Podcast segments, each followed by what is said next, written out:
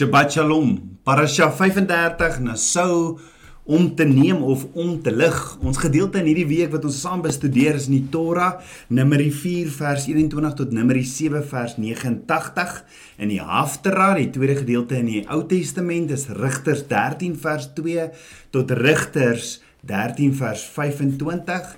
Dan in die Bridesha, die Nuwe Testament, Handelinge 21 vers 17 tot 32, Johannes 7 vers 53 tot Johannes 8 vers 11 en Lukas 1 vers 11 tot 20.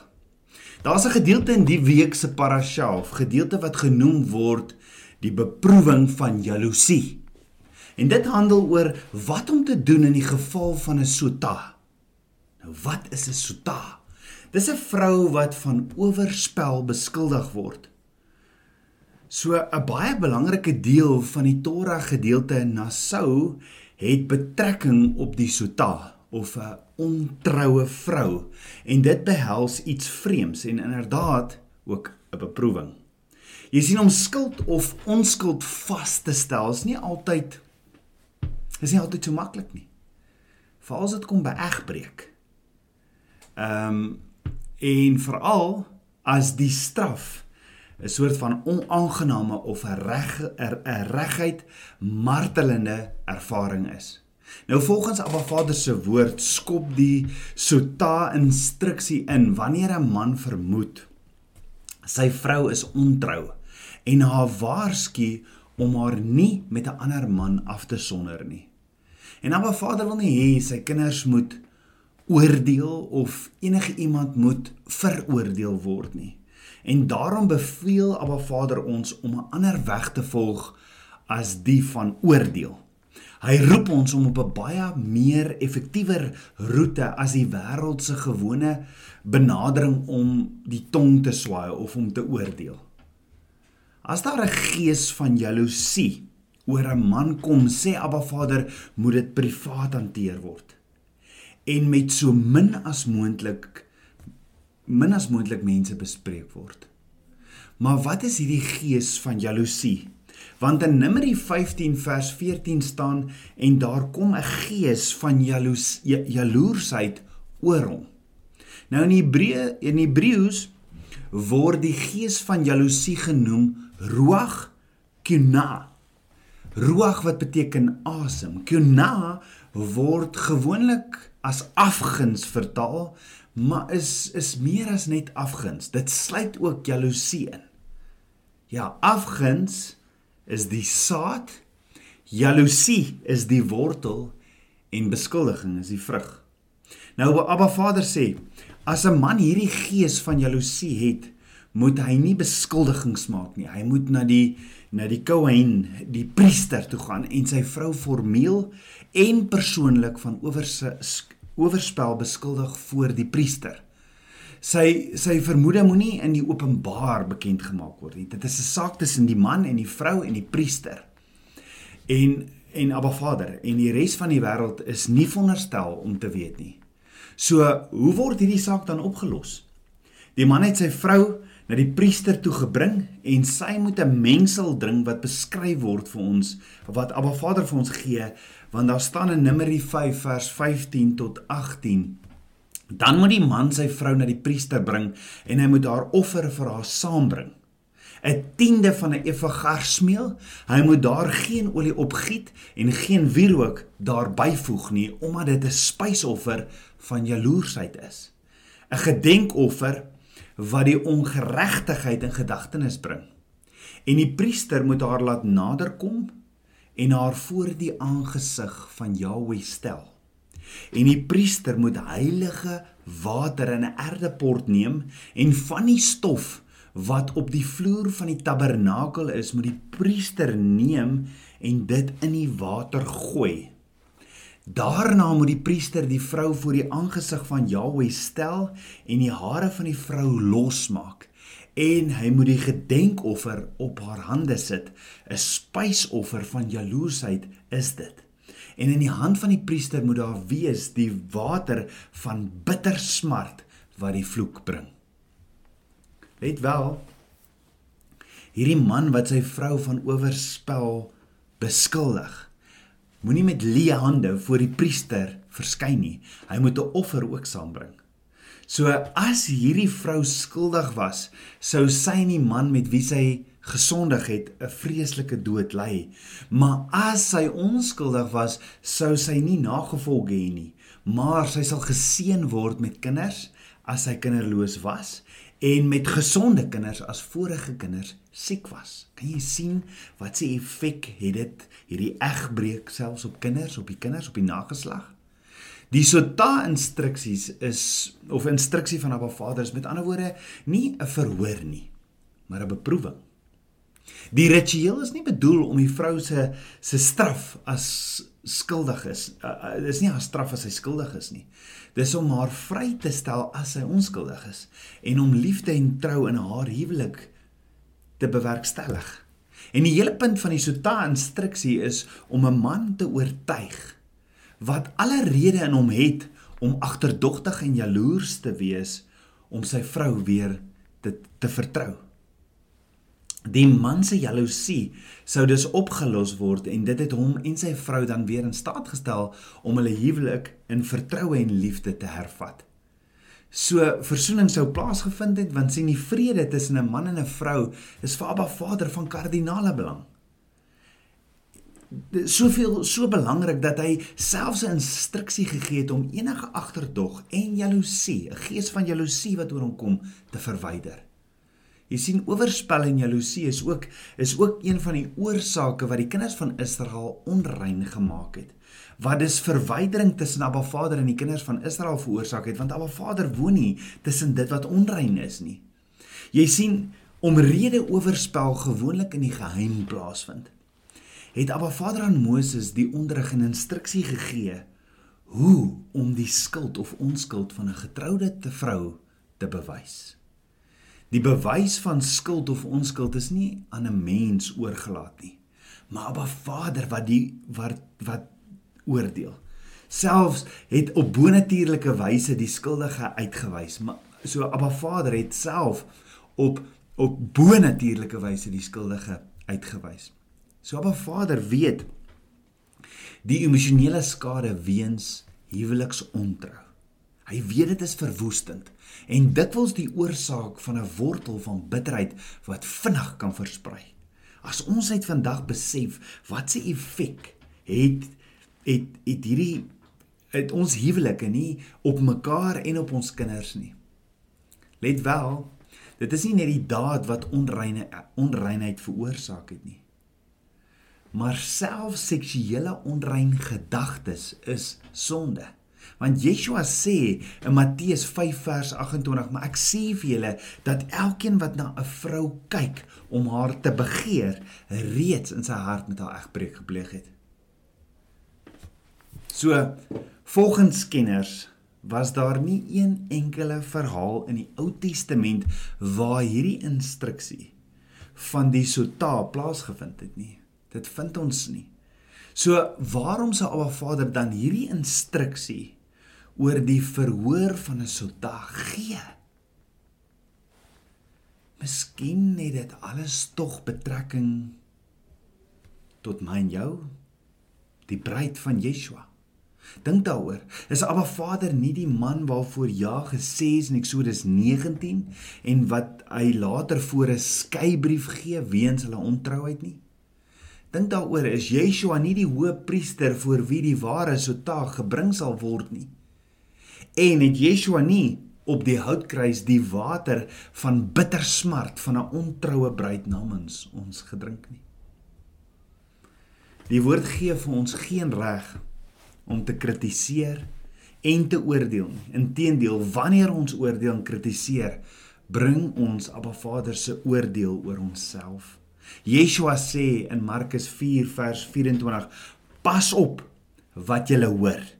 Meet die maat waarmee jy julle meet of met die maat waarmee jy julle meet sal vir julle gemeet word en daar sal bygevoeg word vir julle wat hoor.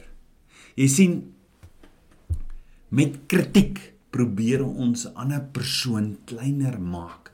En Abba Vader leer my 'n kritiese gees en die oordeel van ander word ook dikwels gebore uit gevoelens van verwerping, bitterheid en word deur die bose die vyand versoek.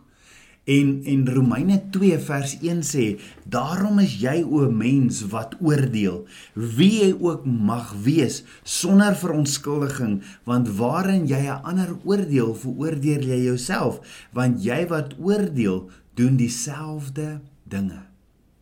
Dan in die in die Bridesha hierdie gedeelte die die Nuwe Testament gedeelte vir vir hierdie week se se parasha vir die week lees ons in Johannes 8 vers 12 uh, 2 tot 11 en vroeg in die môre het Yeshua weer in die tempel gegaan en al die mense het na hom gekom en hy het gaan sit en hulle geleer.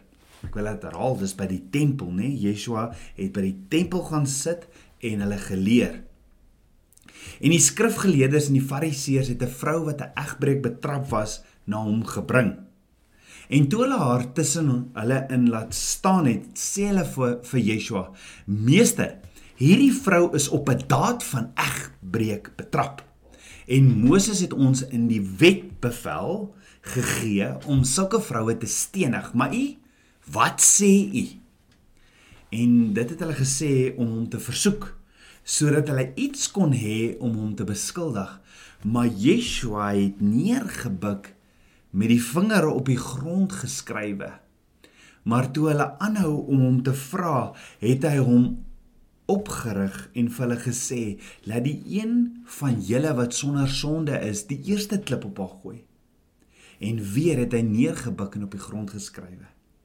En toe hulle dit hoor, het hulle deur hul gewete bestraf een vir een weggegaan van die oudste af tot die laaste toe en Yeshua het alleen agtergebly en die vrou wat daar tussen hulle wat wat daar tussen hulle gestaan het. En toe Yeshua hom oprig en niemand sien behalwe die vrou nie, sê hy vir haar vrou: "Waar is hierdie beskuldigers van jou? Het niemand jou veroordeel nie?" En sy antwoord: "Niemand nie." En Yeshua sê vir haar: "Ek veroordeel jou ook nie. Gaan heen en sondig nie." Ek ek herhaal sy sê: "Niemand nie, Here." En Yeshua sê vir haar: Ek veroordeel jou ook nie, gaan heen en sondig nie meer nie. So kan jy dink wat het hierdie dag in hierdie vrou se gedagtes gebeur. Sy is op pad om gestenig te word en hier op pad na haar doodsvonnis toe gebeur daar iets. Maar hulle bring haar, hulle bring haar hierdie fariseërs en skrifgeleerdes bring haar na die tempel toe, na Yeshua toe en en sy het 'n ontmoeting met die seun van God. Sy besef nie wat gebeur nie want onthou Yeshua was was 'n Jood, 'n rabbi. En toe hulle vir hom vra in Johannes 8 vers 4 tot 5: "Meester, hierdie vrou is op 'n daad van egbreek betrap." En Moses het ons in die wet bevel gegee om sulke vroue te stenig, maar u wat sê u? Ek dink hierdie vrou het gedink dis haar einde. Dis tickets. Sy gaan gestenig word want sy het egbreek gepleeg. Kan jy dink? Kan jy dink hoe skaam moes sy gekry het op hierdie oomblik? Want hulle bring haar na die tempel toe waar Yeshua besig is om ander te leer. Nou Abba Vader leer ons in hierdie ontmoeting wat gebeur tussen hierdie vrou wat egbreek pleeg en Yeshua 'n paar dinge. Die eerste ding wat Abba Vader my leer is Yeshua veroordeel nie. Yeshua sê vir haar in Johannes 8 vers 11: Ek veroordeel jou ook nie. Nou hoekom dink ons so baie? Hoekom dink ons so baie dat Abba Vader ons veroordeel? Jy sien sondaars doen sonde. Maar hoekom veroordeel Abba Vader ons dan nie? Abba Vader veroordeel ons nie want dit is nie vir hom 'n skok nie. Dis vir vir ons 'n groot skok skok as as iemand sonde doen soos hierdie vrou wat op 'n daad van egbreek betrap is.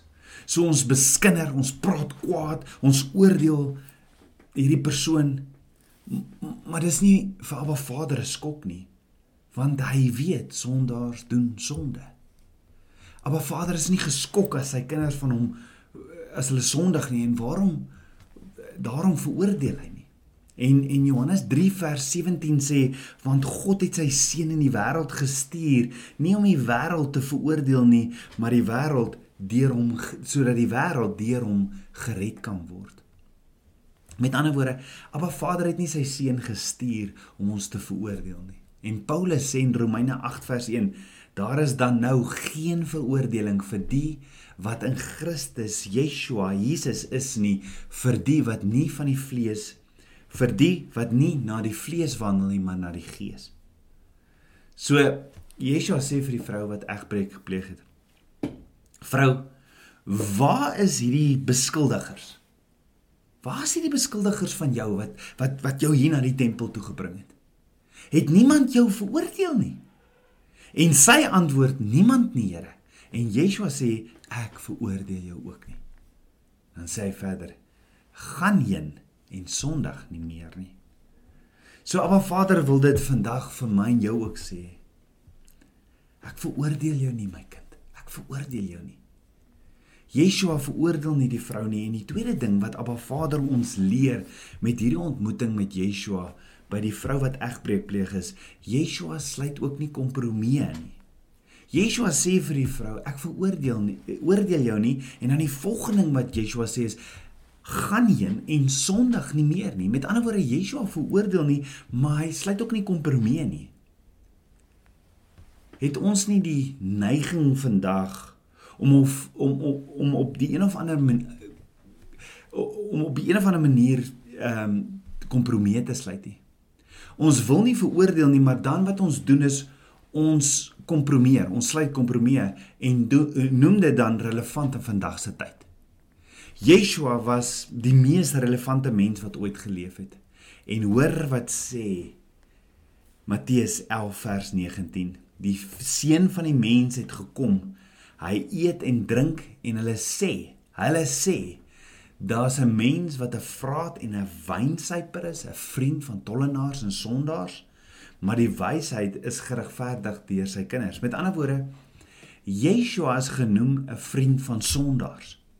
En dan sê Hebreërs 7 vers 26, want so 'n hoëpriester was vir ons gepas, een wat heilig, onskuldig, onbesmet afgeskeie van die sondaars is en wat hoër as die hemele geword het. Yeshua is afgeskeie van die sondaars. Met ander woorde, Yeshua is ook 'n vriend van sondaars. Met ander woorde, hy veroordeel nie en dan is hy afgeskei van die sondaars want hy sluit nie kompromieë nie. As ek en jy kompromieë het of kompromieë sluit, het ons geen platform waarop ons kan staan as ons getuig nie. En daarom wil die vyand alles doen om ons te mislei, om kompromieë met die wêreld te sluit. Sondaars sondaars het dit gelief om uit te hang saam met Yeshua.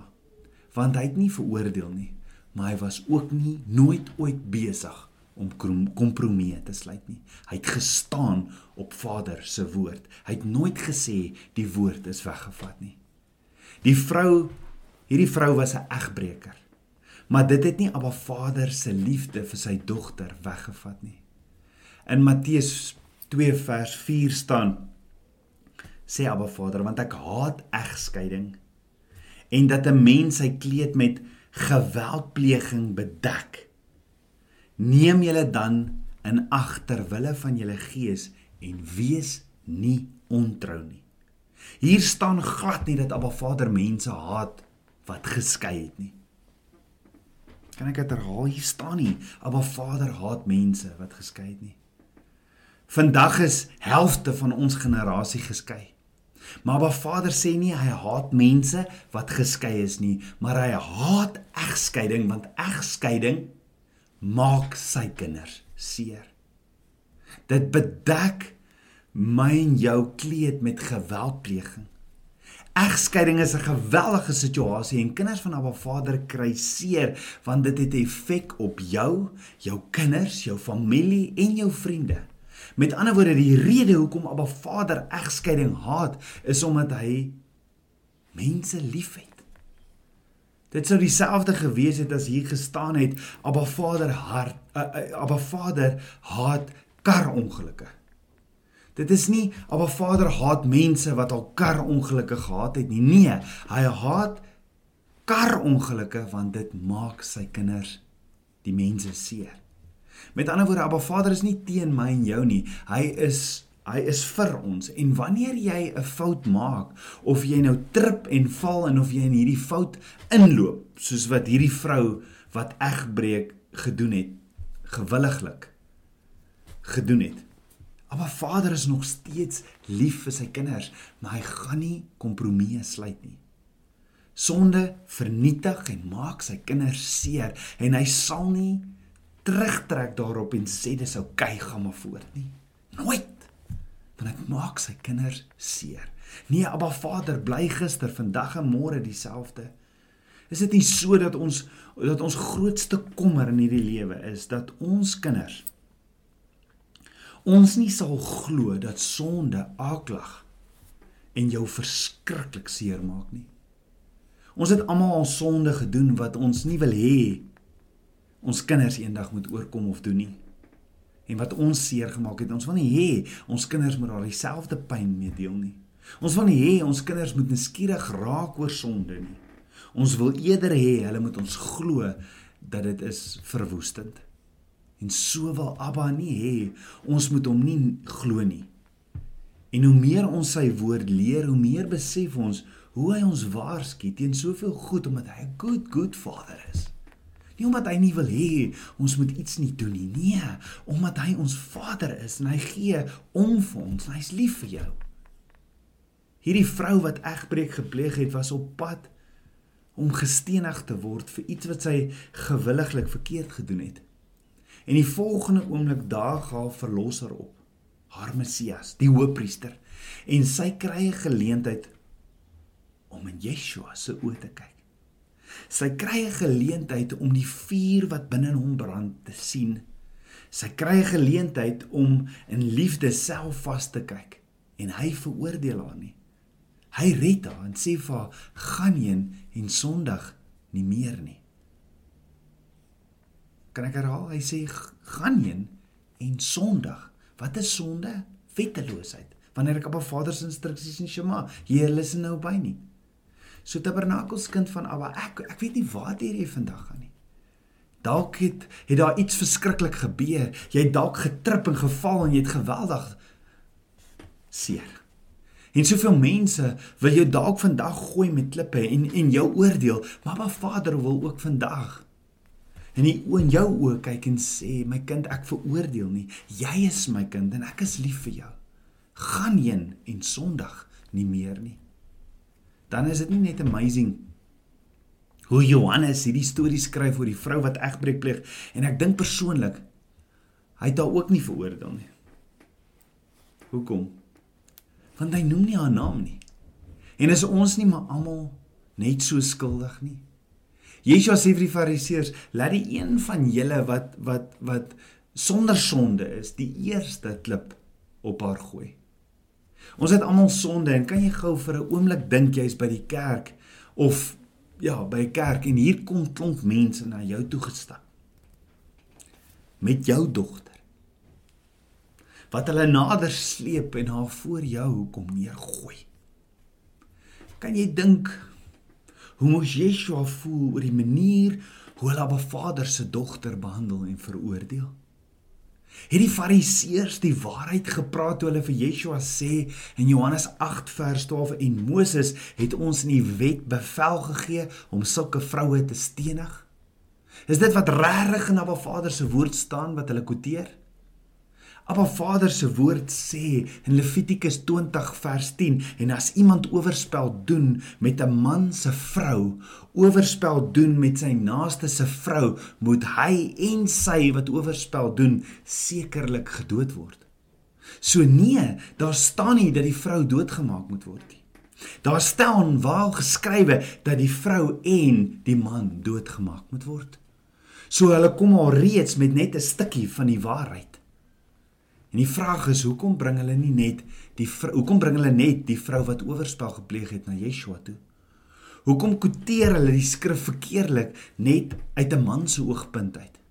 Waar's die man met wie sy oorspel gepleeg het? Want hulle sê in Johannes 8 vers 4 vir Yeshua en toe hulle haar tussen hulle in laat staan, sê hulle vir Yeshua: "Meester, hierdie vrou is op 'n daad van egbreek betrap." In hierdie geval moes hulle mos die man ook mos betrap het. En dan gaan Johannes verder en hy sê in Johannes 8 vers 6 en dit het hulle gesê om Yeshua te versoek sodat hulle iets kon hê om hom te beskuldig, maar Yeshua het neergebuk en met sy vinger op die grond geskryf. Hulle was daarop uit om Yeshua te beskuldig en het glad nie, het glad nie verwag. Yeshua gaan regeer, uh, reageer nie. En dink daaroor. Hoe het Yeshua reageer? Ons het gesien en Abba Vader leer ons by hierdie egbreekvrou in haar ontmoeting het Yeshua het leer Abba Vader ons 'n paar goed. Die eerste ding wat Abba Vader ons leer is Yeshua veroordeel nie. Die tweede ding wat ons leer is Yeshua sluit nie kompromie nie en die volgende ding wat Yeshua vir die vrou sê is gaan heen en sondig nie meer nie. En dit bring ons by die derde ding wat ons leer met hierdie ontmoeting wat Yeshua het by die vrou wat egbreek pleeg is en dit is Yeshua die seun van God is barmhartig. Matteus sê Matteus 9 vers 36 en toe hy die skare sien het hy innig jammer gevoel vir hulle omdat hulle moeg en uitgeput was so skape wat geen herder het nie. Yeshua het hulle innig jammer gekry. Kan ek en jy hierdie prentjie sien van hierdie vrou wat voor Yeshua gebring word, Abba? Abba Vader se dogter wat hom voor hom neergooi. Wat so pas gevang is in egbreek op die daad. Ek kan sommer hoor hoe hulle haar skel en sleg sê en Yeshua Yeshua buig voor haar en die enigste emosie wat Yeshua ervaar is barmhartigheid. Hy hy hy net hierdie oë vol liefde. Alhoewel die fariseërs probeer het om Yeshua uit te vang, buig hy neer met barmhartigheid en deernis. Hy was hy was innig jammer vir haar. Die King James sê in Johannes 8 vers 4, "They said to him, teacher, this woman was caught in adultery in the very act." Sy was gevang besig om iets te doen wat sy nie moet doen nie net so tabernakelskind van Abba. Dalk sit jy vandag en dink gelukkig is ek nog nie gevang nie. Met ander woorde, jy's besig om iets te doen en jy weet jy moet dit nie doen nie. Maar die punt is, maak nie saak of jy uitgevang word of nie, jy's besig om iets te doen wat jy nie moet doen nie. Sal jy ophou vandag om dit te doen en terugdraai na Papa God toe? Hierdie vrou was vasgebang, eh, vasgevang in egbreek, maar persoonlik dink haar lewe was nooit ooit weer dieselfde nie, want sy het in die lig van die wêreld Yeshua vasgeloop. Sy het, sy sy het liefde homself gesien en het in sy oë gekyk wat brand soos vuur vir haar. Daar was hierdie medelee in hom vir haar. En daar's hierdie medelee in hom ook vandag vir jou. Yeshua is barmhartig en het reeds die prys betaal. En ek en jy kan vandag dit wat besig is om my en jou stilletjies dood te maak, vir hom gee. Hy's 'n barmhartige God. Dawid sê in Psalm 145 vers 8 tot 9: Genadig en barmhartig is die Here, lankmoedig en groot van goedertierenheid. Die Here is vir almal goed en sy barmhartigheid is oor al sy werke. Dan hoor wat sê Paulus in 2 Korintiërs 1 vers 3: Geseend is God en Vader van ons Here Jesus Christus, die Vader van ontferming en die God van vertroosting. Jy sien Abba Vader is die Vader van barmhartigheid en die God van alle vertroosting. En dan sê Yeshua in Matteus 7, ag Matteus 5 vers 7: Salig is die barmhartiges, want dan hulle sal barmhartigheid bewys word. Ook sê Yeshua in Lukas 6 vers 36: Wees dan barmhartig soos julle Vader ook barmhartig is. Ek en jy barmhartigheid van Abba Vader ontvang, kom ons veroordeel ook dan nie. Kom ons sluit ook nie kompromieë met die wêreld nie en kom ons wees barmhartig soos wat ons Vader ons barmhartig is. Mag Abba Vader, mag ons na sy arms toe hardloop en mag ons net vandag op sy skoot gaan sit. Want dankie, dankie Vader dat ons U kan nader. Dankie. Dankie dat ons na U toe kan kom en sê Abba, vergewe ons. En dat U ons so liefhet dat U U enige gebore seun gestuur het. Vir die wat in hom glo, nie verlore gaan nie, maar die ewige lewe kan hê. Dankie Vader vir U woord. Kom ons bid saam. Abba Vader, skepper van my hart. Abba, ek loof en ek prys U, Abba. Vader, ek is so jammer vir dit wat ek doen en en skade wat ek doen en soveel keer wat ons veroordeel en mense sleg sê of kritiseer of enige iemand in slegte lig plaas. Vader, was my met die waterbad van u woord. Ek is so lief vir u. Dankie dat u 'n Vader is van nog 'n kans. Leer my om nie om nie sleg te praat of dood te praat oor u kinders nie. Of om kompromieë te sluit nie met die wêreld nie. En blaas u asem in my sodat ek die vrug van barmhartigheid kan dra. Kom Vader leef leef u droom deur my. Kom leef u wil deur my Vader. U is amazing amazing God dankie vir u woord dankie Vader dat u met ons is Vader ek spreek hierdie blessing oor u kinders uit Varecha Adonai vishmarecha. Ya er Adonai panavilecha vi chuneka. Yesa Adonai panavilecha viasim lecha shalom. Ja, aber Vader sê hy seën jou en behoed jou.